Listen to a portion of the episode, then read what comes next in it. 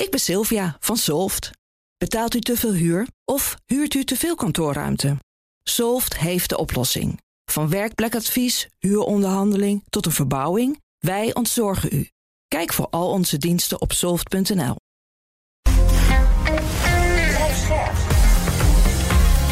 BNR Nieuwsradio. BNR breekt. Ivan Verrips. Goedemorgen en welkom. Vanaf half twaalf praat ik over het nieuws van de dag. Over ambtenaren die zich niet aan de eigen regels houden als het gaat om het bewaren van chatberichten. Hebben we dan niks geleerd van Nokia Gate. En we kunnen er natuurlijk niet omheen. Het bezoek van Rutte en Hoekstra gisteren aan president Biden. Daar kwam onder andere een hele fijne foto uit van eh, Rutte achter het bureau aan Biden. Je kan de foto bekijken op de Instagram-pagina van BNR. En laat dan ook even je beste onderschrift achter. De leukste uitzendingen hoor je aan het einde van deze uitzending. In mijn panel vandaag Piet Rietman, lid van het dagelijks bestuur van FNV goedemorgen. Hey, goedemorgen. Fijn dat je er bent. En Bob den Oude, voorzitter van de Jonge Socialisten. Goedemorgen. Goedemorgen. Geef de foto ook even aan jullie. Ja, Als jullie dan willen. ik had hem al gezien. Aan het einde van de uitzending. Denk er Ja. even over na. Zo meteen Oh, tegen 12. dus. Een onderschrift. Ik ben heel benieuwd welk fijn onderschrift jullie bedenken. We gaan beginnen met. BNR breekt. En dat Breekijzer. heeft te maken met een nieuwe wet die ervoor moet zorgen dat bedrijven die internationaal ondernemen, onder andere ja, kinderarbeid, uitbuiting, milieuvervuiling en dat soort zaken tegengaan. Dan zou je denken, daar kan niemand tegen zijn, maar toch wel. Bestuurders van een aantal Nederlandse bedrijven zijn niet blij met het initiatief. Zij vrezen bijvoorbeeld dat ze kunnen worden vervolgd. Bijvoorbeeld meest prangende voorbeeld is Peter Bedowski, de bestuursvoorzitter van Boskalis. Die heeft al laten weten dat dit voorstel nou, er misschien wel voor gaat zorgen dat hij met zijn bedrijf uit Nederland vertrekt. Ook andere bedrijven hebben bezwaren. VNO en CW maakt zich zorgen. Kamerleden van CDA en VVD die zeggen: joh, ga dit nou Europees regelen. Maar ja, wat moeten wij hier nou van vinden? Er zijn ook heel veel voorstanders van deze nieuwe wet. In de Tweede Kamer is er nu een ronde tafelgesprek over dit onderwerp gaande. En wij gaan er ook over praten aan de hand van ons breekijzer. Er zijn al genoeg regels om bedrijven verantwoord te laten ondernemen. Wat vind jij? Begrijp je de zorgen van die ondernemingen? En is er eigenlijk al voldoende geregeld als het gaat om ja, het tegengaan van kinderarbeid en het beschermen van het milieu bijvoorbeeld? Of denk je dat het juist goed is dat deze wet er komt? Want tot nu toe gaan bedrijven nog vaak vrij uit als het gaat om het schenden van mensenrechten, het vervuilen van het milieu, als ze überhaupt al weten wat er speelt. En kan je op dat gebied niet genoeg doen. 020 468 4 keer 0 is ons telefoonnummer als je wil reageren. Breekijzer dus, er zijn al genoeg regels om bedrijven verantwoord te laten ondernemen. 020 468 4 keer 0 ik hoor graag van je. En zometeen hoor ik ook graag van mijn panelleden wat ze ervan denken.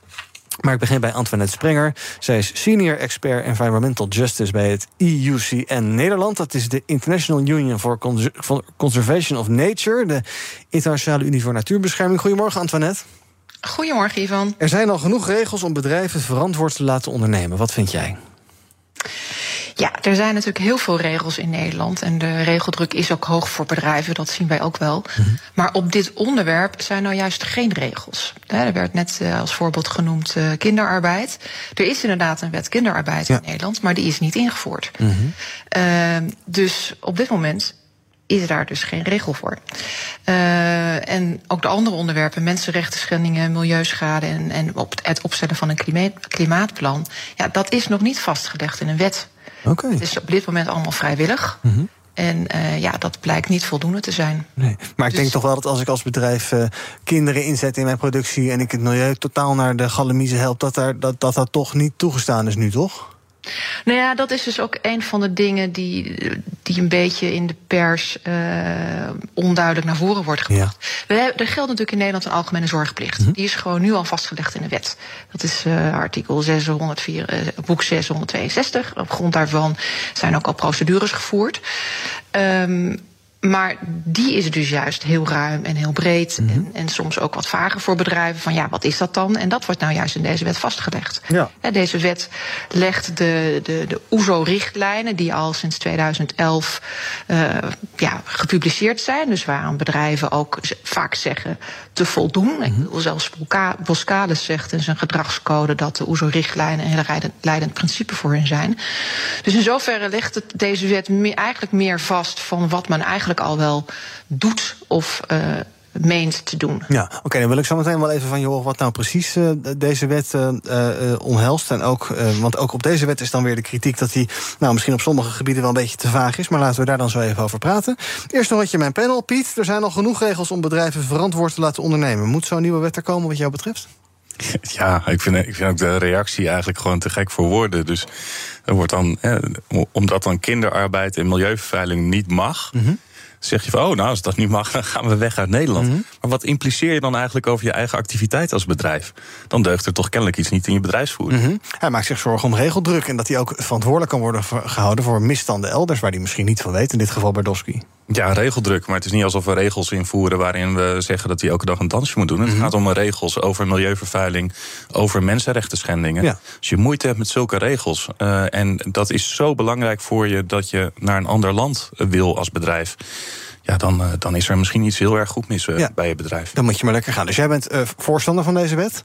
Uh, moeten we daarin ook als Nederland voorop willen lopen en nou, meer dominee dan koopman zijn? Is dat goed?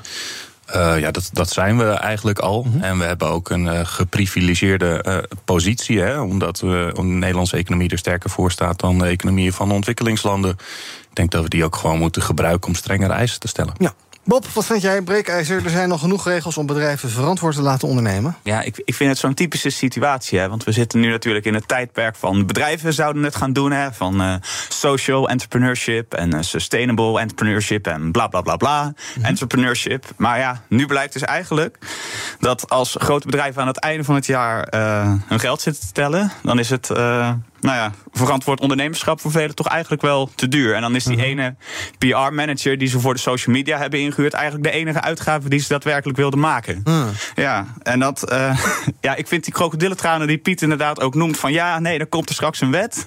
En dan moet ik de bak in. Ik denk, nou ja, volgens mij weet je dan wel precies waar je eigenlijk mee bezig bent. En het lijkt me heel erg terecht dat daar een wet komt uh, die wat jij doet strafbaar stelt. Oké, maar jij hebt het idee dus dat uh, sustainability en dat soort termen voor veel bedrijven met de mond beleden worden, maar dat ze eigenlijk niet zoveel doen. Nou, dat is ook volgens mij wat er uh, nu duidelijk komt. Anders dan zou je die wet ook niet maken. Want het hele idee was dus dat bedrijven dit allemaal zelf zouden doen. Mhm. En uh, tien jaar later zien we eigenlijk van, oh ja, er is niks gebeurd.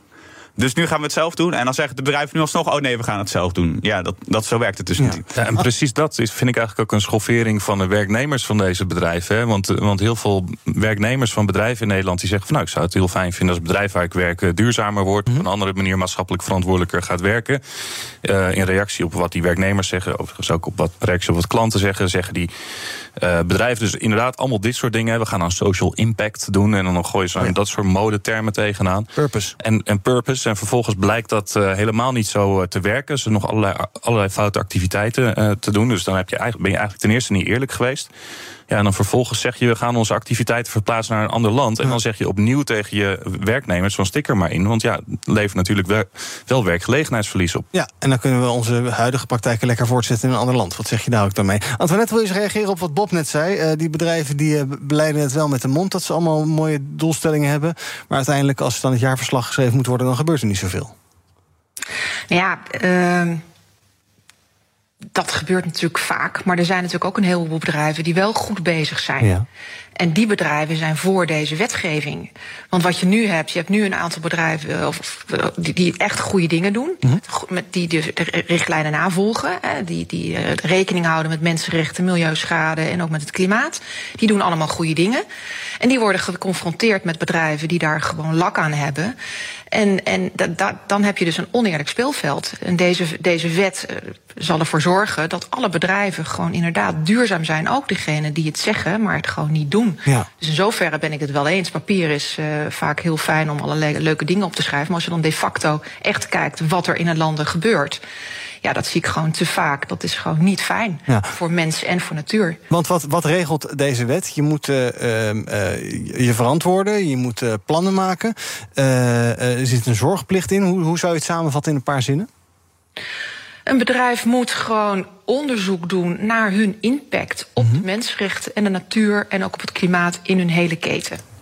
En dan geldt dat alleen maar voor de grote bedrijven, dus niet voor de bakker op de hoek. Mm die heeft gewoon een zorgplicht. Die moet, als hij weet of had kunnen weten dat er iets raars in zijn keten zit, dan moet hij actie ondernemen. Nou, dat lijkt me logisch. Dat zou je sowieso op verwachten van de bakker op de hoek. Mhm. Maar de grote bedrijven, daar wordt meer van verdacht. Die moeten gewoon echt onderzoek doen. Dus die moeten gewoon echt kijken van wat gebeurt er nou eigenlijk in mijn keten. En ja, ik kan alleen maar onderschrijven. Het is gewoon van de zotte dat je gewoon een wet moet hebben om bedrijven te verplichten dat ze gewoon nagaan dat ze geen mensenrechten schendingen ja. Eh, doen in het buitenland. Het is mm bizar. Bob? Ja, nou ja, dat is dus niet van de. Tenminste, het is inderdaad van de zotte, maar het is gewoon heel logisch. Want bedrijven gaan gewoon voor de winst, altijd. En dat. Ik bedoel, er zijn natuurlijk bedrijven die het inderdaad doen. En dat is heel fijn. Want het laat zien dat mensen het heel graag willen doen. Maar er is gewoon niet zo heel veel ruimte voor dat soort bedrijven, blijkbaar. Want anders dan zouden wel meer mensen of meer organisaties dat zo doen. Ja, er is in de Tweede Kamer nu dus een uh, hoorzitting over dit onderwerp, of een ronde tafelgesprek over dit onderwerp bezig. Ik zag Amnesty International, die uh, had zich daarop voorbereid met een leuke bingo met woorden die je waarschijnlijk gaat horen tijdens zo'n hoorzitting van bedrijven. Daar wil ik er toch de, de IMVO-bingo, vond ik wel grappig bedacht, wil ik er toch even een paar aan je voorleggen ook. Um, bijvoorbeeld EU-wetgeving afwachten. Ik zag ook een uh, opiniestuk van twee Kamerleden van VVD en CDA. Antoinette die zeiden, ja, we, moeten dit, we kunnen dit wel in Nederland gaan regelen, maar ik kan het beter Europees regelen. Ik, streep hem vast af op de bingo, dan mag jij vertellen wat je ervan vindt. Nou ja, voordat er in de EU echt een richtlijn zal tot stand zijn gekomen, dat gaat natuurlijk een tijd duren. Er zijn vorig jaar uh, is, er een is er een voorstel ingediend. Daar buigt de Europese Raad zich over. Die hebben nu een standpunt ingenomen. Het Europese parlement komt pas ergens in mei, als niet later. Dan gaan alle lidstaten zich er nog eens overheen uh, mee bemoeien. Dus voordat je überhaupt een richtlijn hebt, ben je gewoon al een, zeker twee jaar verder. En dan krijgen alle lidstaten nog de tijd om dat te implementeren. Daar krijgen ze vaak ook twee jaar, drie jaar voor. Dus dan zit je ergens in 2028 op zijn vroegst Mm -hmm. dat er iets is in Nederland. Nou, wil je al die tijd wachten uh, voordat je in Nederland actie onderneemt op deze belangrijke onderwerpen? Lijkt mij niet. Laten we even kijken hoe onze bellers erover denken. 020 468 4 keer 0 is ons telefoonnummer. Als u wil reageren op het breekijzer. Er zijn al genoeg regels om bedrijven verantwoord te laten ondernemen. 020 468 4 keer 0 Fred, goedemorgen. Fred, goedemorgen. Goedemorgen met Fred van der Laar in Den Bosch. Zeg het maar. Ik uh, ben van mening dat die uitkomsten van de hoorzitting in de Tweede Kamer der Staten-Generaal voorgelegd moeten worden aan het Europees Parlement. Mm -hmm. Want uh, dit heeft uh, internationale effecten. Boskalis overweegt als dit wordt doorgevoerd om te vertrekken. Ja. Nou, dan uh, wens ik ze heel veel succes. Uh, vertrek maar. Ja, maar wel. Met je hoofdkantoor. Maar liever wel Europees regelen. Fred, wel liever Europees regelen. Oh, nou, Fred is weg. Mohamed, goedemorgen. Hey, goedemorgen. Zeg het maar. Ik uh, ben het volledig eens met, uh, met die stelling. En mm -hmm. betere controle inderdaad. Want we hebben het jarenlang zo gelaten naar, bij bedrijven van... Volg maar de regels en dat mogen jullie zelf doen. We zijn erachter gekomen in de corona dat ze dat niet doen. Mm -hmm. Medewerkers worden niet goed betaald. Ze sjoemelen op alle manieren. En dan binnen de mazen van de wet mag ook eigenlijk niet. Alle Mhm. arme mensen moeten het gewoon allemaal doen. En dat soort bedrijven wel. En dan dreigen met we gaan weg. Ga dan. Ja. Gaat eerst in de gevangenis zitten voor wat je hebt gedaan, Mhm. meneer Boskalis. Dan ga je nog nooit meer zo'n positie bekleden. Dan maakt het niet uit wat je allemaal doet. Je gaat voor de rest van je leven in de gevangenis. Doe Ja. maar. Duidelijk, Mohamed. Dank voor het bellen. Je bent het dan oneens met de stelling, maar dat is een detail. Dank voor het bellen. BNR breekt. Ivan Verrips. We snappen je punt. In mijn panel vandaag Bob den Oude, voorzitter van de Jonge Socialisten. Piet Rietman, lid van het dagelijks bestuur van FNV. En we praten ook met Antoinette Sprenger. Zij is senior expert in environmental justice bij EUCN Nederland. Ons breekijzer is, er zijn nog genoeg regels om bedrijven verantwoord te laten ondernemen. Als je wil reageren, pak je je telefoon. Bel je naar 020 468 4 keer 0 020 468 4 keer 0 Nou, dan nog zo'n ding van die bingo Piet. Uh, dat uh, zegt uh, Peter Bordowski ook. Die zegt van ja, als ik dan ergens een misstand is... dan kan het zomaar zijn dat ik naar de gevangenis ga. Ja. Ja, maar dan moet je toch niet willen... dat, dat, dat, dat een CEO van misstand ergens in het buitenland... in de gevangenis kan belanden? Ik weet niet of dat, of dat zo is. Mm -hmm. Het punt is dat hij zich keert tegen een, een, een wet... of een, een mogelijke wet... En die wet komt langs democratische weg tot stand. Mhm. Mm -hmm. hè? Dus wat je eigenlijk ook zegt. Uh, één, uh, je zegt dus uh, van nou ja, als. De, door, door moeite te hebben met de wet, zeg je eigenlijk dat je je bezighoudt met de activiteiten die in Mhm. die wet genoemd worden. Dat -hmm. is één. Maar het tweede wat je dus doet, is dat je zegt van ik heb gewoon moeite met een democratisch meerderheidsbesluit. Ja. En wat de Nederlandse samenleving democratisch bepaalt, daar heb ik geen, geen boodschap aan. Dat is ook ontzettend vreemd natuurlijk. Je hebt je gewoon te verhouden tot wat de Nederlandse samenleving van jou wil. Je als bedrijf uh, uh, opereer je binnen de grenzen die de samenleving aan jou oplegt en niet uh -huh. andersom. Ja. Antoinette, is dat inderdaad een risico dat uh, Peter Bordowski in de gevangenis komt? Uh, nou ja, als je dat zo aanhoort, dan is hij daar echt wel heel erg bang voor. Ja. maar uh, dat is niet zo. Waar het om gaat is dat je, je pas de gevangenis in gaat. En dat is geloof ik maar maximaal zes maanden. En je hebt een, uh, op de geldboete, dus dat valt allemaal nog reuze mee. Maar het is alleen maar als je aan de rapportageverplichtingen niet voldoet. Mm -hmm. Dus als jij heel braaf gewoon je rapportje op tijd indient, dan loop je helemaal geen risico. Hm. Dus als jij in je, je plan van aanpak maakt, daar een risico beschrijft wat er allemaal aan de hand is en, en, en wat je gaat doen, that's it. Uh, dus, dus dat risico wordt enorm opgeblazen uh, en het is ook gewoon onjuist. Dat is alvast mooi weggefactcheck dan. Bob, uh, dan zijn er ook partijen, bijvoorbeeld VNO-NCW... die uiteraard, je snapt wat zij gaan zeggen... maken zich zorgen om vestigingsklimaat. Die zegt van, joh, ons land, bedrijven... Die, die willen hier niet meer komen omdat wij zoveel strenge regels hebben. Ja, nou ja, ik ben het eigenlijk wel heel erg eens met de bellers die net ja? zeiden van ja, nee, dan ga je maar weg. Of dan kom je maar niet. Het vestigingsklimaat in Nederland is prima. En dat, uh, ja, nee, duurzaamheid en klimaat is ook een heel erg belangrijk thema. Uh, mm. Dus nee, ik maak, me, ik maak me daar eigenlijk niet zoveel zorgen over. Nee. Mm. nee. Raad van State bijvoorbeeld, die heeft ook bezwaar gemaakt tegen het voorstel. Zegt ja, dit is wel erg complex. Ja. Uh, komt door het internationale karakter. Het is ook onduidelijk wat nou precies leidt tot welke sanctie en wanneer niet. Dat moet je toch wel ja. duidelijk hebben van tevoren. Nou ja, dat, dat is zeker waar. Maar dat, dat maakt zo'n beschuldiging van oh ja, shit dan ga ik de bak in natuurlijk nog veel minder. Want de kans dat met zo'n een iets vragere wet die vooral bedoeld is om te sturen, hè, mm -hmm. dat ze daar dan vervolgens dat zo'n rechter dan gaat zetten. Nee, op basis daarvan moet je de bak in. Dat staat natuurlijk helemaal nergens op. Dus het zou eigenlijk juist een argument moeten zijn voor zo'n CEO die dan zegt: Nou, uh, ik, ik, ik kan het nog wel even leiden in ja, ieder geval. Ja. Antoinette, hebben wij er als consumenten ook iets aan? Wordt het nu ook makkelijker voor ons om in de winkel te onderscheiden wat bijvoorbeeld, uh, nou ik zeg maar even kleding is, wat je fatsoenlijk kan kopen en wat met kinderarbeid bijvoorbeeld vervaardigd is?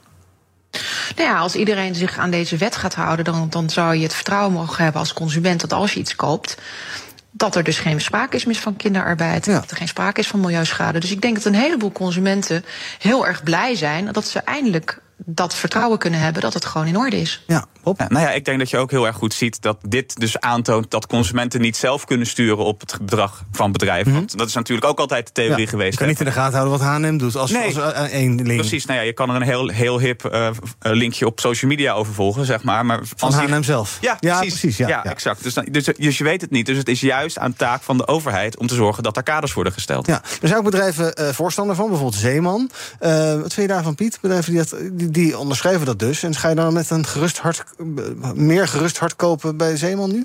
Bij van spreken? Nou, dat is natuurlijk een hele goede vraag. Misschien uh, zeggen ze dat wel uh, uit PR-overwegingen. Maar oh. het is in ieder geval goed uh, om, om te weten dat ze zo'n wet onderschrijven.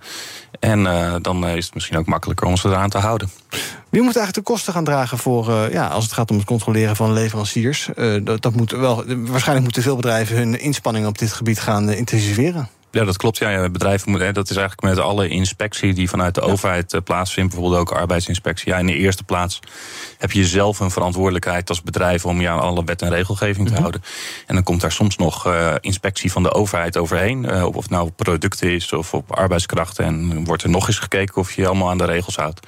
Ja, en dat als ik zo het verzet vanuit het bedrijfsleven tegen dit soort regels hoor, moeten we ook die inspectie, denk ik, qua mankracht ook opvoeren. Ja, maar ik bedoel ook de, de bedrijven zelf zullen meer onderzoek moeten doen naar wat ze aan het doen zijn. Dat maakt producten misschien duurder. Maar dat is dan maar zo? Dat klopt. Uh, dat kunnen ze, uh, en dan hebben ze in ieder geval hogere inkoopkosten. Dat kunnen ze ten koste laten gaan van, uh, van de prijzen. maar goed, als ze de Nederlandse consument niet willen benadelen, dan kunnen ze dat ook ten koste laten gaan van de winsten. Ja, maar het, het, lijkt me toch ook niet zo heel erg dat bedrijven gaan onderzoeken of er kinderarbeid plaatsvindt in hun organisatie. En dat, dat, dat vind ik toch wel een van de basale kosten binnen het productieproces, ja. naast het echte essentiële productieproces ja. zelf. Maar als je dat nu niet doet, of je doet het heel matig, of je doet het een beetje halfbakken, en je gaat dat wel goed doen, dan kan het best een duur grapje zijn. Misschien wil je dat goed doorgronden wat er precies gebeurt in je keten. Ja, en dat, dat is dan een rechtvaardige samenleving. Ja, en dan moet je dus nog meer voor betalen ook. Ja. Als je wil weten wat je koopt, dat dat oké okay is. Ja, en de reden dat het moeilijk is om dat te betalen, is dat veel van dezezelfde bedrijven natuurlijk hun werknemers weer slecht betalen. Oh ja, dus daar moet ook nog meer geld bij. Dus en, en, dat, en dat geldt zeker daar, voor. Daar, daar verdampt die winstbied. Ja, maar dat geldt zeker ook voor juist die bedrijven aan de onderkant van de markt. Dus ja. er zijn bedrijven die internationale ketens hebben waar milieuvervuiling of kinderarbeid in zit. En mm -hmm. juist die bedrijven, of nou op het gebied van kleding is of uh, uh, goedkope consumentenproducten, juist die bedrijven betalen hun mensen 11 of 12 euro per uur. Ja, en als je dat soort standaarden hebt in Nederland, dan is het inderdaad heel erg lastig om iets meer te gaan betalen voor producten waar geen kinderarbeid in zit. Pascal, goedemorgen. Goedemorgen, Ivo. Ons breekijzer, er zijn nog genoeg regels om bedrijven verantwoord te laten ondernemen. Wat vind jij? Ja, er zijn best veel regels, maar uh, zoals de vorige week ook zei, niet over dit specifieke onderwerp. En ik denk dat het voor die bedrijven die juist wel aan deze normen voldoen, bijvoorbeeld nou ja, een zeeman die dat nu stimuleert, mm -hmm. dat er een hele mooie kans is, en ook voor ons land, een mooie kans is om ons juist te onderscheiden. Waar hebben we het over? Hè? We hebben het over, over gewoon verantwoord ondernemen, hè? de verantwoordelijkheid nemen. Dit doe je of dit doe je niet. En als je, ja, iedereen zegt dat je het doet, hè? ook de meneer van Boskalis, Code of Conduct staat in. Waar ben je dan bang voor als je daarop uitgevraagd wordt? Ja, dus ja, je vindt eigenlijk bedrijven die zich daartegen verzetten, daar, daar is iets mm, niet helemaal lekker aan de, aan de hand. Ja, het is een beetje hetzelfde als ik zeg maar tegen een veiligheidscamera in mijn straat ben. Ja. Ik wil wel dat iedereen netjes rijdt, maar als er een camera komt, vind ik het toch vervelend. Nou, ik kan misschien privacybezwaar hebben. Ja. ja. Maar dat is voor het bedrijfsleven denk ik niet een ander issue. Nee. Dus volgens mij gaat het niet over privacy. Nee, wel doen en dan weet je uiteindelijk dat alle spullen die in de Nederlandse winkels liggen, dat die op een goede manier vervaardigd zijn. Ja, juist. Ja, ja. Dank. En voor, en voor ons als land denk ik een heel mooi onderscheid vermogen. We kunnen wachten op Europa en we kunnen ook eens een keer het voortouw nemen. Dank je voor over bellen. Pascal, Bob steekt zijn hand op. Ja, namen we het uh, voortouw hier maar eigenlijk. Uh-huh. Het is een beetje jammer, juist, al die, juist België, Duitsland, Frankrijk... die hebben al deze regelgeving al uh-huh. lang in enige uh, sensorvorm. Dus uh, ja, het is eigenlijk uh, niet eens het braafste jongetje van de klas zijn... maar gewoon eens een keer een voldoende halen. Annette, ben je het daarmee eens dat we, als we dit zouden doen... dat we dan nou, een minimale voldoende halen? Of lopen we dan echt wel voorop? Nou, het is volstrekt terecht dat Frankrijk en Duitsland uh, al wetgeving hebben op het onderwerp. Andere landen zijn er ook mee bezig, dus we zijn zeker niet een voorloper op dit onderwerp. Onze, onze, ons voorstelwet gaat wel iets verder dan wat er in Duitsland en in Frankrijk is. Mm -hmm. Maar ik denk uh, dat we juist op dat punt onderscheidend kunnen zijn en kunnen laten zien hoe het moet. En ook uh, dat kunnen bespreken in Europa. Ja. Zorgen dat daar ook goede wetgeving komt. Ik noem net een van de bezwaren van de Raad van State. Die zei: het is nog wel een beetje vaag. Moet het allemaal nog wel een tikje concreter? Wil het uh, een succes kunnen worden, deze wet? Nou ja, het, het, is niet zo vaag. Oh. Uh, het is gebaseerd op de OESO-richtlijnen. Uh, daar zijn heel veel toelichtingen, commentaren en weet ik wat allemaal op opgeschreven. Dat, dat, dat geldt al sinds 2011, dus dat is een enorme ontwikkeling geweest. Er is een, een, hele dikke memorie van toelichting uh, bij deze wet. Dus, dus zo vaag als het continu gepresenteerd wordt, dat valt naar mijn idee wel mee. Ja, nou duidelijk. We gaan zien of die er gaat komen, deze wet. Um, wordt dus vandaag over gesproken in de Tweede Kamer. In dit rondetafelgesprek wil alleen nog even Rob aan het woord laten. Goedemorgen, Rob. Goedemorgen. Zeg het maar. Ja, ik had de stelling en ik uh, was het eigenlijk uh, oneens met de stelling en eens. Dat wil zeggen, ik, ben, ik denk dat er eigenlijk al te veel regels zijn. Alleen deze moeten er wel komen. Mm -hmm. um, ik, ik, zit alleen elke keer in mijn gedachten bij het feit van... Um, moet het niet ook vanaf de consumentenkant iets gaan gebeuren tegelijkertijd? Ik bedoel, hebben we de goede volgorde te pakken met deze regels? En hoe zou je dat voor je zien? Nou, kijk, er zijn natuurlijk best wel wat producten, uh, goede producten, waar over nagedacht is, waar geen kinderen, waar duurzaamheid, waar, waar nagedacht wordt. Alleen, mm -hmm. het is voor bedrijven best lastig om die in de markt te zetten, omdat consumenten gewoon toch, op het moment dat ze de kans krijgen, naar een goedkope plek rennen. Ja, dus wat zou je dan voorstellen? Nou, dat er naast, naast dat dit gebeurt, dat dat heel belangrijk is, ben ik het helemaal 100% mee eens. Dat er ook een soort regel komt voor, uh, uh, ja, richting de consument. Mm -hmm. Dat het gewoon niet mogelijk is om bepaalde zaken te kopen. Of uh, dat er belastingen of BTW lager is op gezonde producten of duurzame producten ja, dus in plaats van andersom. Het maken van de goede keuzes. Alleen deze, regel, uh, ja, alleen deze regel invoeren, dan mis je denk ik een heel deel. Dan, uh, dan pak je niet de juiste. Uh, pak je niet alles in één keer aan, denk ik. Rob, dankjewel voor het bellen. Ik geloof dat wij de hele kaart van Amnesty ongeveer afgewerkt hebben. Even kijken, vage normen naar de gevangenis, gelijk speelveld. Den Haag luistert niet naar bedrijfslessen en klimaat. Ja, dat is nog klaar. Dank um, voor je aanwezigheid. Antoinette Sprenger, Senior Expert Environmental Justice bij EUC en Nederland. En zometeen gaan we in het tweede deel van BNR Breekt verder praten over uh, al het andere uh, uit het nieuws vandaag. Ik ga eerst nog even kijken wat op Instagram onze luisteraars zeggen bij onze stelling.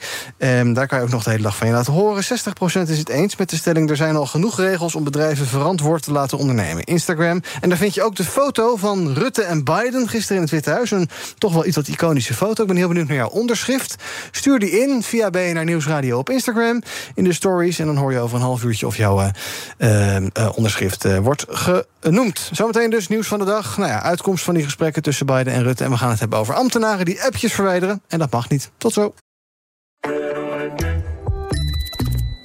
Het Eneco Klimaatreport van deze week komt uit Amsterdam. Ik ben Pascal en ik sta hier met de oprichter van Wikkelhuis op de werkplaats. Op, wat zie ik hier? Ja, je ziet allemaal huisjes. En welke rol speelt energie-efficiëntie in jullie ontwerp- en bouwproces? We bouwen alleen maar met hernieuwbare materialen. Maar het leukste is dat we eigenlijk uh, zonne-energie gebruiken voor onze elektriciteit. We hebben duizend zonnepanelen op ons dak van de werkplaats. Duizend zonnepanelen, dat zijn er een hoop. Ik kan me voorstellen dat er veel stroom vanaf komt. Ja, er komt een enorme bak met stroom uit. En soms in de zomer is dat ook te veel. En daarom werken we samen met uh, Eneco, met het uh, opwek optimaal systeem. En wat doet dat systeem? Soort dimmer. Dat als er te veel stroom is, dat je dat zeg maar wat terug reguleert, zodat er geen netcongestie ontstaat. Want dan zou alles vast vastlopen. Uh, juist de balans op het energienetwerk. Ja, precies. En zo werkt Wikkelhuis samen met Eneco aan klimaatambities.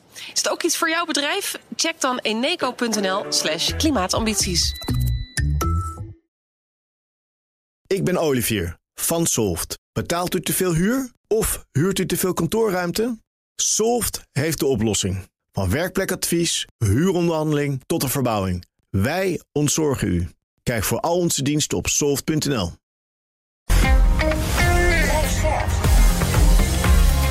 BNR Nieuwsradio. BNR breekt.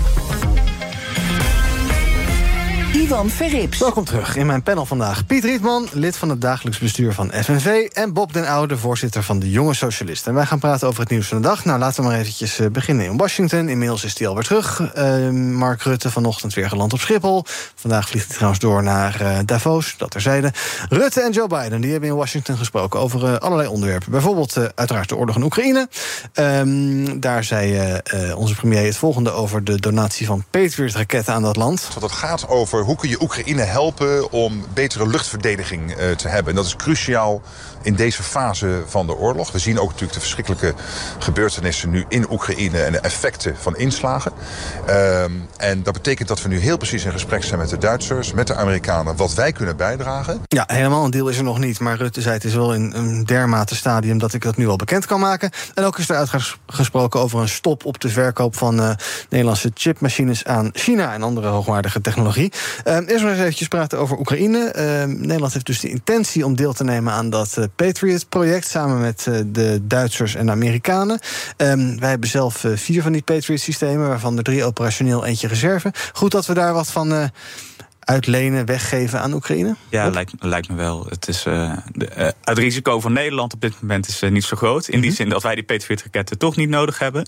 En in Oekraïne worden gewoon ik weet ook niet of ze al begonnen zijn met daadwerkelijk hele uh, woonwijken plat bombarderen. Mm -hmm. Maar het komt er wel in de buurt. En als we dat kunnen stoppen, dan lijkt me het uh, een hele waardevolle bijdrage. Ja, maak je daar op enige manier nog. Vorig uur was bij uh, BNR's Big Five op de wijk te gast bij Diana Matroos. Maak je op enige manier ook nog zorgen om nou ja, toch mogelijk escalatie van die oorlog? Want ja, er worden ook steeds meer andere wapens geleverd, tanks en dergelijke. Groot-Brittannië gaat dat doen. Challenger 2 tanks. Ja, nou ja, de risico's op escalatie zijn natuurlijk altijd. Ja. Dus ben, ik, ben je altijd uh, dat je je daar zorgen over maakt. Alleen uh, je kan niet zo heel veel anders. Want nee. anders dan laat je over je heen lopen. En dan pakt Poetin gewoon Oekraïne. Ja, dan laat je het van de andere kant escaleren. Ja, ja. En, maar het is ook niet alsof uh, de-escalatie Poetin stopt. Hè? Mm -hmm. Dus nee, het, we hebben eigenlijk geen keus. En dat moet je misschien nooit zeggen in een oorlogssituatie. Maar ja, wat dit betreft niet. Um, ik denk ook een beetje, dan mag Duitsland misschien ook wel een keertje over de brug gaan komen. Want die zitten enorm te mierenneuken over die tanks die ze eigenlijk niet wel, niet wel, niet willen leveren. Um, ja, ja, ik vraag me bij Duitsland altijd af of het dan hun oorspronkelijke pacifistische houding vanwege dat ze ooit zelf fout waren. Of dat, uh, dat ze in Duitsland gewoon een hele innige relatie hebben met Rusland en Russisch gas. Oh. Uh, maar goed, dus ik kan, kan, niet meer, geloof ik. Maar... Nee, nee, maar daar hebben ze natuurlijk wel heel lang in uh, geïnvesteerd. En met die Nord Stream pipelines -huh. en alles. En daar zijn veel te, veel te genereus in geweest. Uh, dus ja, ik, uh, ik, ik, ben, ik, zeg, ik zou zeker toejuichen als Duitsland nou weer een keer aan de goede kant van de geschiedenis ja. komt. Wat is jouw indruk van de relatie tussen Duitsland en Rusland, Piet? Geen idee. Wat, wat, ik, dat, dat, vind ik ook een beetje lastiger met dat Patriot-verhaal. Ja. Dus ik, ik denk de Nederlandse regering die, uh, die wil uh, Oekraïne steunen. En dat geldt ook voor een groot deel van de publieke opinie in Nederland. Uh, maar ja, of dan specifiek dat ene raketsysteem een goed idee is. Mm -hmm. Was hij Rob de Wijk daarover? Ik heb niet geluisterd. Ik was dit oh. programma aan het voorbereiden, dus ik heb geen idee. Oh, jammer weer. Ja, ja nou, we moeten het terugluisteren. Kan via de podcast van BNR's Big Five. Oké, okay, zal ik dan. Ja, heel goed. dan laten we het nog even hebben over ASML. er hing ook in de lucht ja, dat Joe Biden toch wel heel graag wil wilde praten met Mark Rutte over de vraag of wij eens konden stoppen met het uh, leveren van producten uit Veldhoven aan Beijing. Uh, vorige week was Kishida van Japan nog te gast bij Biden. Nou, dat was ook niet toevallig. Um, daar is al over gesproken. Ze zeggen ja, daar gaan we wel uitkomen. Maar wat daar nou precies uit gaat komen, dat is de vraag een beetje. Zou het wat jou betreft, Piet, een goed idee zijn dat ASML geen producten meer levert aan China? Nou, dat kan zo zijn, hè, dat dat dan uh, op internationaal niveau wordt besloten. En dan moet Rutte een manier vinden om dat dan weer af te dwingen bij ASML. Maar ja, goed bij dat afdwingen of adviseren of hoe hij het ook aanpakt. Uh, dat, dat, dat doet hij met de ene hand, maar met de andere hand moet hij uh, met een aanbod komen. Hè, mm -hmm. Want er levert ook werkgelegenheidsverlies op ja. als uh, mensen minder gaan produceren daar bij ASML. Dus bij een eventueel voorstel vanuit de Rijksoverheid richting ASML hoort ook dat je zegt: oké, okay, maar op deze manier gaan we jullie banen beschermen. Ja. Daar ben ik dan heel benieuwd naar. Ja, gisteren had ik Paul Verhaag hier van het Den Haag Centrum voor Strategische Studies. En die zei: ja, als Amerika het wil, zo'n exportverbod gaat het hoe dan ook komen. Dan is het leuk dat hij, Biden even, dat hij Rutte even uitnodigt voor een kopje thee. En het is allemaal heel sympathiek. Maar het gaat hoe dan ook gebeuren, Bob. We moeten niet illusie hebben dat we ook maar iets te zeggen hebben in dit schaakspelletje. Oh nee, dat sowieso niet. Maar ik, uh, ik wil nog even reageren op de absolute noodzaak uh, van dat China wel het grote machtige land is waar we tegen moeten vechten. Mm -hmm. Want ik, ook al? Ja, nou Rusland, ja, China, oké, okay, ja. Nou, nee, dus niet eigenlijk. Oh. Tenminste, dat is die notie die nu natuurlijk heel erg aan het opkomen is. Oh, ja. Maar uh, het, het, mooie is eigenlijk, tenminste, dat ik, ik las gisteren in het, een artikel over de demografische situatie van China. Mm -hmm. Dat ze de komende honderd jaar gaan halveren van iets meer dan een miljard naar minder ja. dan een miljard qua bevolking. Voor het eerst in 60 jaar krimp. Ja, en dat, dat gaat ook allemaal gigantische sociale en economische gevolgen hebben. Ook vooral vanwege het feit dat ze totaal nog niet echt uh, welvaart hebben natuurlijk. Dus mm -hmm. dat, dat, dat zie ik nog wel imploderen. Ik, ik, ik, aan zich ben ik het er natuurlijk helemaal mee eens dat, dat we geen keuze hebben als ASML uh, straks een export, uh, exportverbod krijgt.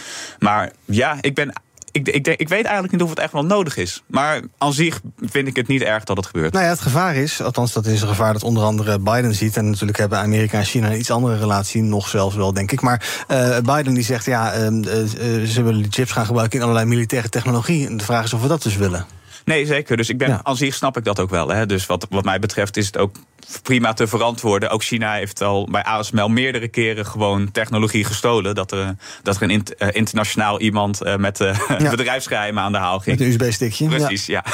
Nee, dus ik snap het wel. Ja, dus je moet er wel voorzichtig mee zijn. Dan tot slot op de agenda ook de IRA, de Inflation Reduction Act. Ook over gesproken. Dat zijn volgens Rutte moeilijke onderwerpen om bij elkaar te komen.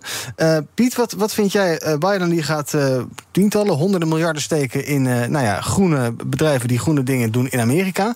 En nou is de vraag een beetje, ja, gaat dat zorgen voor oneerlijke concurrentie? Gaan bedrijven uit Europa wegtrekken die kant op, of investeerders? En moeten wij in Europa ook dit soort pakketten gaan optuigen? Daar komen toch alweer steeds stemmen op uh, die zeggen... ja, wij moeten misschien ook maar eens fors onze groene industrie gaan uh, subsidiëren op allerlei manieren. Ja, precies. Ja, dat is ook het gekke dat je, als je van Nederland, vanuit Nederland klaagt over die IRA daar dan zeg je dus eigenlijk van nou, wij vinden het vervelend dat uh, Amerikaanse werknemers er meer banen bij krijgen. We vinden het vervelend dat Amerikaanse huishoudens uh, kosten van medicijnen uh, beperkt worden. We vinden het vervelend dat Amerikaanse consumenten in een aantal opzichten beschermd worden. Het zijn ook allemaal dingen die je zelf kunt doen. En dan hoef je niet zo bang te zijn voor die concurrentie. Mm -hmm. En um, ja, in Nederland liggen er allerlei kansen om de economie te vergroenen en er allerlei kansen om werkgelegenheid te creëren. Dus ik zou me daarop focussen in plaats van klagen over dat ze het in de VS beter doen. Want ja. dat is eigenlijk wat Rutte doet. Ja, dus jij zegt uh, wel voor subsidiëren, groene projecten. In Nederland liggen allerlei mogelijkheden. Ja. Nou ja, het, we, we, subsidiëren zelfs uh, uh, fossiele energie uh -huh. in allerlei opzichten. Dus er liggen allerlei kansen om in Nederland die ver, vergroening op een sociale manier met behoud van banen te versnellen. Ja. Wat jou? Wat, wat jij, Bob? Ja, nee, ik ben, ik ben het zich eens dat we natuurlijk. Uh, uh, nou ja, weet je, ik, ik zat er zo over na te denken. Ik kom, kom, kom er, uh, ik kom er straks helaas ook nog eens op terug. Ja. Want we hebben aan het begin van dit kabinetsperiode. toen was er ook een gigantisch klimaatfonds van 30 miljard dat zou gaan investeren. Oh ja, daar zit te snoepen, toch? Ja, nou, dat weet ik niet. Wat is oh. daar nou precies mee gebeurd? -huh. Ja, dus uh, volgens mij waren die plannen. Nou ja, die plannen waren er natuurlijk niet. Het was alleen maar een noodzaak en een -huh. urgentie en uh, geen visie. Dat zie je wel vaker bij dit -huh. kabinet natuurlijk. Dus nu hebben ze een heel groot bedrag uitgetrokken en weten ze niet wat ze ermee moeten. Ja. En nu zien ze dat het in Amerika gebeurt. En ze denken zo: ho, ho, ja, daar hebben wij ook wel geld voor gereserveerd. Dus het zou wel kunnen, maar dat, we weten eigenlijk toch niet hoe het moet. Dus jullie ook niet doen. Nou, ik ben benieuwd wat uh, Rutte en Biden besproken hebben. Eigenlijk wel raar dat ze daar een beetje geheimzinnig over zijn, toch? Je zou zeggen, je kan het toch gewoon vertellen. Ja, maar dat zijn allemaal persoonlijke relaties en er wordt weer Oh, iets ja. leuks gezegd. En dat kan natuurlijk weer, want het wordt in CNN natuurlijk weer helemaal anders uitgemeten. Dus Ja. dat, dat snap ik wel. Ander nieuws van vandaag. Ambtenaren die verwijderen nog steeds met een soort eh, automatische functie chatberichten. Blijkt uit onderzoek van BNR. Via bijvoorbeeld WhatsApp is het vrij gemakkelijk mogelijk om na een bepaalde tijd automatisch je berichten te laten wissen op je telefoon. Maar dat mag helemaal niet. Volgens de archiefwet ziet ook Cornelis van der Sluis en hij is van het Nederlands Kenniscentrum Open Overheid. Dat stelde eh, de inspectie overheidsinformatie en erfgoed eh, vorig jaar in oktober al vast in een rapport naar aanleiding van het genoemde SMS-gate. Die stelde voor van goh, eh, ga de regels aanpassen of ga beter archiveren, ook wat betreft de chatberichten. Ga in ieder geval niet standaard wissen. De minister-president deed het handmatig, maar goed, met zo'n functie gaat het natuurlijk als vanzelf, hartstikke makkelijk. Maar dus wel evident in strijd met de archiefwet. Ja, hoe noemde Rutte dat nou ook weer, hoe hij dat deed op zijn Nokia? Dat- dat- dat- ar- actief archi- archiveren of zoiets? Nou, hij had er een aparte term Geen voor. actieve herinneringen. Nee, ja, dat sowieso. Eh, maar nu blijkt dus, en dat, ik weet niet, gebruiken jullie het functie wel eens dat je automatisch berichten wist op WhatsApp? Nee. Nee, helaas. Ik vind het juist wel lekker om archieven te hebben. Ja, nou ja, ik heb, maar- ik heb zo'n eindeloze lijst van WhatsApp-gesprekken en groepen die ik, waarvan ik echt totaal de energie niet heb om ze te verwijderen. Dus Nee. eh, dat is altijd wel een bewuste keuze. Nee, het enige nadeel is dat ik tientallen gigabytes aan WhatsApp-archief heb, maar dat is dan weer Ja, erg. jij wist toch eh, berichten zodat je partner het niet ziet? Nee, dat doe ik niet meer. Dat was alleen vroeger. Dat was vroeger, Ja. oké. ja. Jij wel? nee, ik niet. Nee, het zou kunnen. Ik weet niet of je dat wel biecht hier. Ehm eh, zou dat, eh, nou ja, goed, ambtenaren moeten hun berichten dus bewaren. Duidelijk. Maar technologie maakt het mogelijk dat dat eh, soms toch niet gebeurt. Hoe erg is dat? Nou ja, dan moeten er gewoon regels voor komen. Je zag het eigenlijk. eh, we hebben nu SMS-gate, hè, maar, er zijn ook- regels voor. Er zijn regels voor. Nou ja, Ja. precies. Maar het is, het is ook weer WhatsApp en dat is weer nieuw. Dus ik snap wel dat je. Nieuw? In- WhatsApp ik, nieuw? Ik, ik denk dat het in overheidsland, wat betreft ambtenaren, is WhatsApp gewoon een heel nieuwe communicatie. Ik, ik weet nog dat Hugo de Jonge eh, minister was en dat hij ook de neiging had om WhatsAppjes eh, naar zijn ambtenaren te sturen van ga dit even doen. En dat al die ambtenaren achterover vlogen van ja, hey, dat moet wel gewoon in Ja. drievoud op kantoor komen, want anders dan, kunnen we het niet aannemen. En dan, dan komt het dus niet goed in de systemen te staan. Nee, ik vond het zeg maar wel heel grappig dat ze, want jullie hadden, of tenminste BNR, hè, had onderzoek gedaan door al die, hoe heette die woordvoerders een appje te sturen. En dat ze dan eh, vervolgens zeiden van, oh ja, nee, het is per ongeluk. Ja, dat we die... bedankt. Ja, nee, dat, dat, dan denk ik inderdaad, dat is gewoon een actieve houding die je aanneemt hoor. Dus eh, dat is eh, hm, typisch. Oké, en je mag van ambtenaren meer verwachten dan van burgers die geen ambtenaar zijn, wat jou betreft. Van overheidsdienaren. Ja, ze- nou ja, dat, die ambtenaren verwachten het ook altijd van zichzelf. Dat was nou een van de dingen waar ze zo prat op gingen, toch? Eh, privacy en de bureaucratie, dat het allemaal volgens het systeem moest. Eh, nou, hebt maar door. Weinig hoge pet van op. Eh, Piet, zouden ambtenaren en ook ministers bijvoorbeeld eigenlijk wel gebruik moeten maken van WhatsApp? Of zou je een soort overheids-WhatsApp moeten hebben? Dat netjes voldoet aan alle regels verplicht ook, waarbij je niet kan klooien en kloten? Oh, Getsie, Dat klinkt... ook niet via eh, Amerikaanse diensten gaat? Nee, dat klinkt heel Chinees dit, eh, overheids eh, Ja. WhatsApp. Ja, nee, maar ambtenaren zijn gewone mensen. Eh, die, eh, net zoals eh, velen van ons, misschien al tien jaar WhatsApp gebruiken. 14 jaar bestaat het al. Ja, precies. Dus dat, dat klinkt heel ingewikkeld.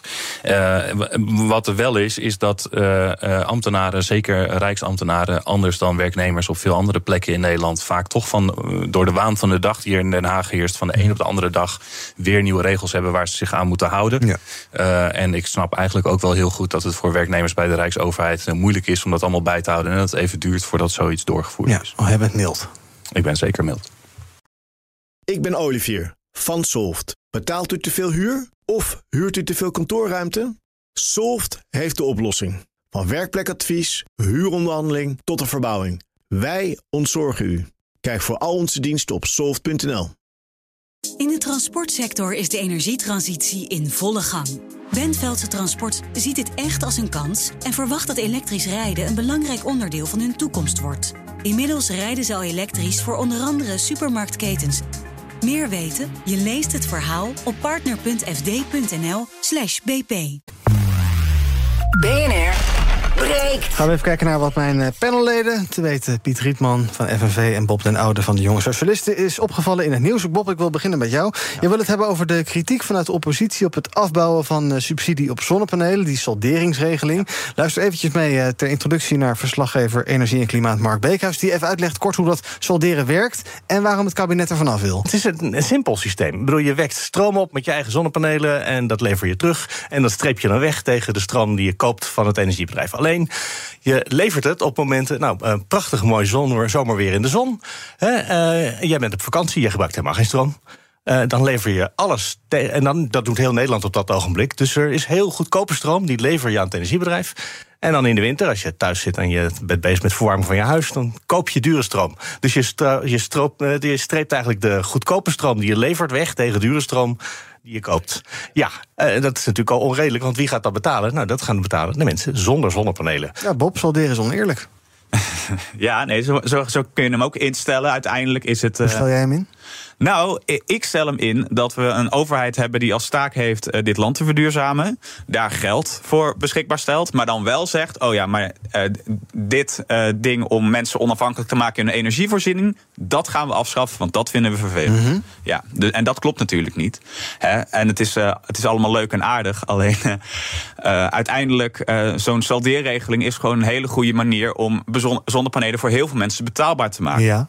En ook heel veel mensen die ze nu hebben, ge, hebben, hebben aangeschaft, ook met het idee van: eh, oké, dan heb ik dus die saldeerrekening, dus dan kan ik hem terugbetalen. Die komen dan nu op de tocht te staan. Nou, fijn, dankjewel, overheid. Nee, dus dat, het lijkt me op geen enkele. eh, dan zou je het in ieder geval over 10, 20 jaar moeten afschaffen of zo. Want dan, dan Ja, is ja. het tenminste eerlijk voor alle. En dan moet je op een andere manier gewoon de aanschaf eh, subsidiëren doen. Ja. Ja, nee, maar het is, en het is ook weer heel typisch. Hè. Dan, doen ze zo, dan hebben ze zo'n plan. En dan zeggen PvdA, GroenLinks en SP, nou, misschien niet. En dan zeggen ze, oh nee, dan doen we het niet. Nou, fantastisch. Dat is weer echt een duidelijke visie en een eh, goede inzicht in de politieke situatie. Ik bedoel, vraag het dan van tevoren, jongens. Want blijkbaar heb je de politieke oppositie heel erg nodig. Ja. ja. Het kabinet, ik ben eigenlijk wel benieuwd, ook Piet, hoe jij erover denkt ook. Het kabinet wil dus eh, van salderen, salderen af. Is dat een goed idee? Want ze zeggen het is eigenlijk niet meer nodig, ook om die, eh, dat te stimuleren. En eh, bovendien met de huidige energieprijzen, het is niet meer nodig salderen. Ja, kijk, de, de specifieke techniek waarop je het doet, maakt mij niet uit. Maar je moet er in ieder geval zorgen dat, voor zorgen dat schone energie betaalbaar wordt voor huishoudens. Dat is een beetje het probleem. We proberen allemaal onze bijdrage te leveren. Overheid, bedrijfsleven, maar ook huishoudens zelf. Maar ja, als we dan de bijdrage die huishoudens leveren, als die heel duur is, ja, dan gaan ze dat dan natuurlijk niet doen. En dat is ook gewoon te verdedigen. Ja, PVV leek eerst eh, voorstander, maar is nu toch tegenstander van het voorstel. Ze zeggen, ja, eigenlijk klimaatmaatregelen, daar willen we wel van af. Maar je moet deze salderingsregeling wel laten bestaan voor mensen die hem al gebruiken. Want anders ben je een onbetrouwbare overheid. Ben je het eens met de PVV, Bob? Nee, nee, zeker niet. Want ik vind niet dat je hem moet laten bestaan voor de mensen die hem moeten gebruiken. Ik vind dat je hem rustiger moet afschaffen als je hem afschaft. Maar dan, en dan voor iedereen. Ja, precies. Piet, jij wil het hebben over kritiek op het eh, World Economic Forum. En daarbij vooral de oproep eh, van extreme rijken om extreme rijkdom aan te pakken. Ja, inderdaad, ja. Ja, wat mij. eh, eh, nou, het is op zich altijd mooi als mensen zeggen. ehm, het pakt mij aan met wetgeving. Dat is eigenlijk wat deze miljonairs zeggen. Het zou nog mooier zijn als ze uit eigen initiatief eh, wat meer zouden doneren.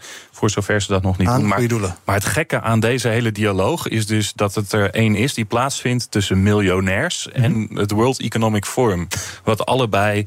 Ehm, nou ja, geen, geen, geen plekken zijn waar de besluitvorming plaats zou moeten vinden, natuurlijk. Hè. Ehm, eh, World Economic Forum, nou ja, er zijn allerlei eh, wappies die in samenzweringstheorieën daarover geloven. Maar het is op zichzelf natuurlijk heel erg vreemd dat de belangrijkste economische besluitvorming in de wereld voor een deel plaatsvindt op plekken zonder democratische controle. Er wordt niks besloten, er worden alleen gedachten gewisseld. Ja, en eh, waarom wil iedereen er natuurlijk graag heen? Omdat het een plek is waar je heel veel invloed kunt uitoefenen.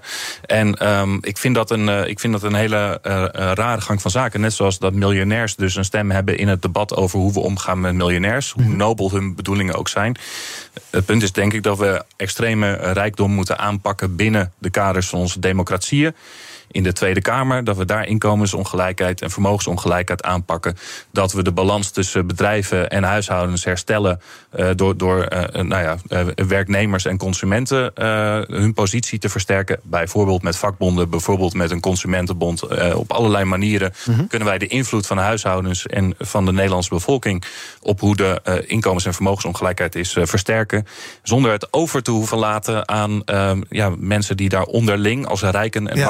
Over beslissen. Want dat vind je een beetje verdacht. Dat is het, dat is het ongemakkelijke hiervan. Ja. Nou, ja, het is, Het is niet, toch wel dat het niet gaat gebeuren. Ja. het is niet gek dat de rijken en machtigen eh, elkaar opzoeken en naar manieren zoeken om hun rijkdom te consolideren. Maar ehm, ik denk, eh, dus ik vind dat eigenlijk ook heel logisch dat zij dat eh, doen binnen de kaders van hoe het systeem in elkaar zit. Maar ehm, eh, we moeten het eigenlijk als, als eenvoudige burgers en werknemers en consumenten niet laten gebeuren. Nee, dus je hebt meer aan de, bij wijze van spreken, open brief van Oxfam Novib dan de open brief van deze rijken zelf. Zo is dat. Ja, Ja, en die zeker. zeggen eh, verhoog percentages voor de allerrijkste naar weet ik veel hoeveel procent. Ik heb het 60% helaas even- zei Oxfam, niet, eh, niet voor ogen. ja. Maar het, het eh, bijzondere is als je in de, bijvoorbeeld, nou, ja, als je het alleen even in Nederland houdt hè, en je kijkt naar de Nederlandse geschiedenis, hoeveel inkomstenbelasting, hoeveel winstbelasting, hoeveel, vermo- hoeveel vermogensbelasting daar is betaald. Weet je, in de kabinetten die we hadden in, in de jaren tachtig hadden ze tarieven in de hoogste schijf inkomstenbelasting, waarvan eh, nu zo'n beetje elke eh, eh, rijke Nederlander zou zeggen, nou dan vertrek ik naar het buitenland. Oh ja, Eh, maar samen was- met Pascalis. ja, precies. Maar heel kort geleden was het nog heel gebruikelijk dat je een fatsoenlijk aandeel van, van je rijkdom weer afstond. En eh, nou, nu gaat misschien die trend een heel klein beetje keren. En dan beginnen de miljonairs en de mensen op het World Economic Forum zich daar uitvoerig mee te bemoeien. Maar dat debat hoort thuis bij, bij de Nederlandse samenleving in de Tweede Kamer, binnen bedrijven en op alle plekken waar gewone mensen invloed kunnen uitoefenen. Wat vind jij, Bob? Miljonairs die zeggen tax the rich. Dat is wel grappig. Ja, nee, inderdaad, fijn. Maar het is paradoxaal en vervelend in die zin. Kijk, als samenleving moet je gewoon niet willen dat je de rijke mensen aan het woord. Ik ben sowieso helemaal klaar met die absoluut nou, bijna geilheid. Waar we mensen als Elon Musk op het zadel hijsen. En dat we dan denken van ja, die heeft gelijk en die gaat ons Nou, verder ik hoor brengen. vooral heel veel kritiek op Ja, Elon nu Musk. wel, Oh. nu wel uiteindelijk. Maar hoe, hoe lang is die onder- ondertussen al in het nieuws? Veel te lang. Hm. Maar je, je wil uiteindelijk naar een samenleving toe. Eh, waar inderdaad gewoon gewone mensen aan het woord zijn. Waar, waar die eh, bepalen wat er gebeurt. En niet zeg maar de rijken. Dus ik ben. Ja, en het ja. voordeel daarvan is dat je dan denk ik ook een iets meer eh, fundamenteel debat krijgt dan alleen de vraag over een procentje meer of minder hier en daar. Ehm, we moeten denk ik met elkaar een ideologisch debat voeren over de vraag wat we vinden van rijkdom. Miljardairs, zouden die eigenlijk moeten bestaan? Ik vind dat een hele valide vraag. Hè? Want ja, wat moet je met miljarden? Ik kan me nog iets voorstellen van wat je moet met tonnen, maar niet wat je moet met miljarden. En die vraag is er denk ik een die door de samenleving zelf beantwoord moet, moet worden en niet door de bovenlaag. Ja, anders ga je het alleen maar van miljardairs krijgen die met een diepe identiteitscrisis zitten natuurlijk. Want anders dan weten ze wel wat. Die schrijven zo'n brief, maar die weten toch dat er niks gaat gebeuren. Nee, precies. Oké. Makkelijk. Kijk nog even wat er trend is op de socials. Nou, waar er gelijk op eh, terugkomen. Het hashtag Davos gaan we zien.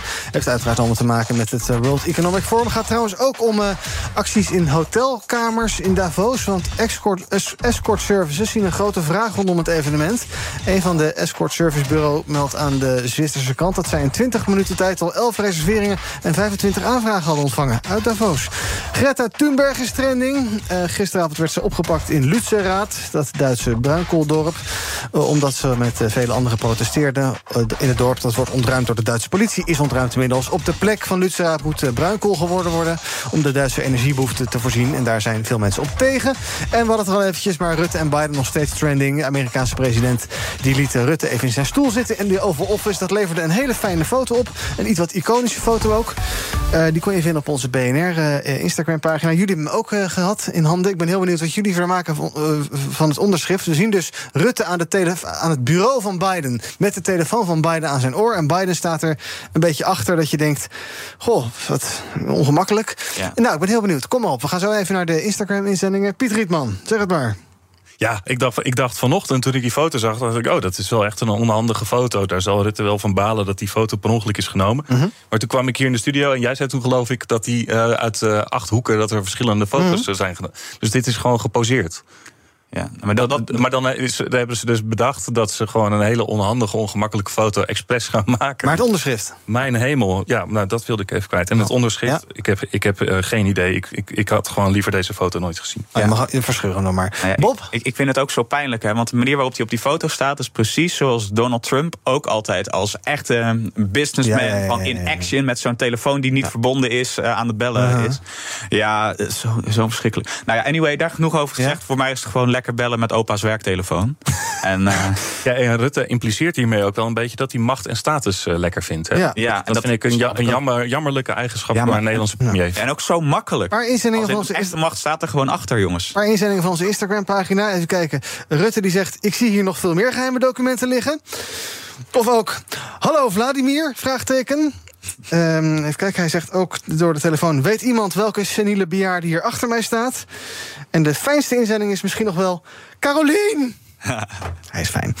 Dank voor jullie aanwezigheid vandaag bij BNR Breekt. Bob den Oude van de Jonge Socialisten en Piet Rietman... lid van het dagelijks bestuur van FNV. Morgen ben ik er weer. Tot die tijd volg je ons via de socials. Beste is om je radio aan te laten staan. Hoor je over een paar minuten. Thomas van Zel met Zaken doen. Tot morgen. Ik ben Sylvia van Solft. Betaalt u te veel huur of huurt u te veel kantoorruimte? Solft heeft de oplossing. Van werkplekadvies, huuronderhandeling tot een verbouwing... Wij ontzorgen u. Kijk voor al onze diensten op soft.nl.